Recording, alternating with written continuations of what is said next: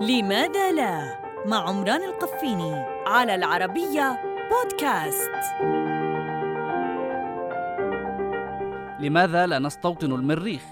في سبتمبر 2016 توقع الأمريكي إيلون ماسك أن تقام مستوطنة بشرية على الكوكب الأحمر فيها مليون بني آدم بحلول عام 2060 ليس المريخ فحسب. البشر مشحونون بآمال كبيرة وهم يبحثون باستمرار عن كواكب تصلح للحياة.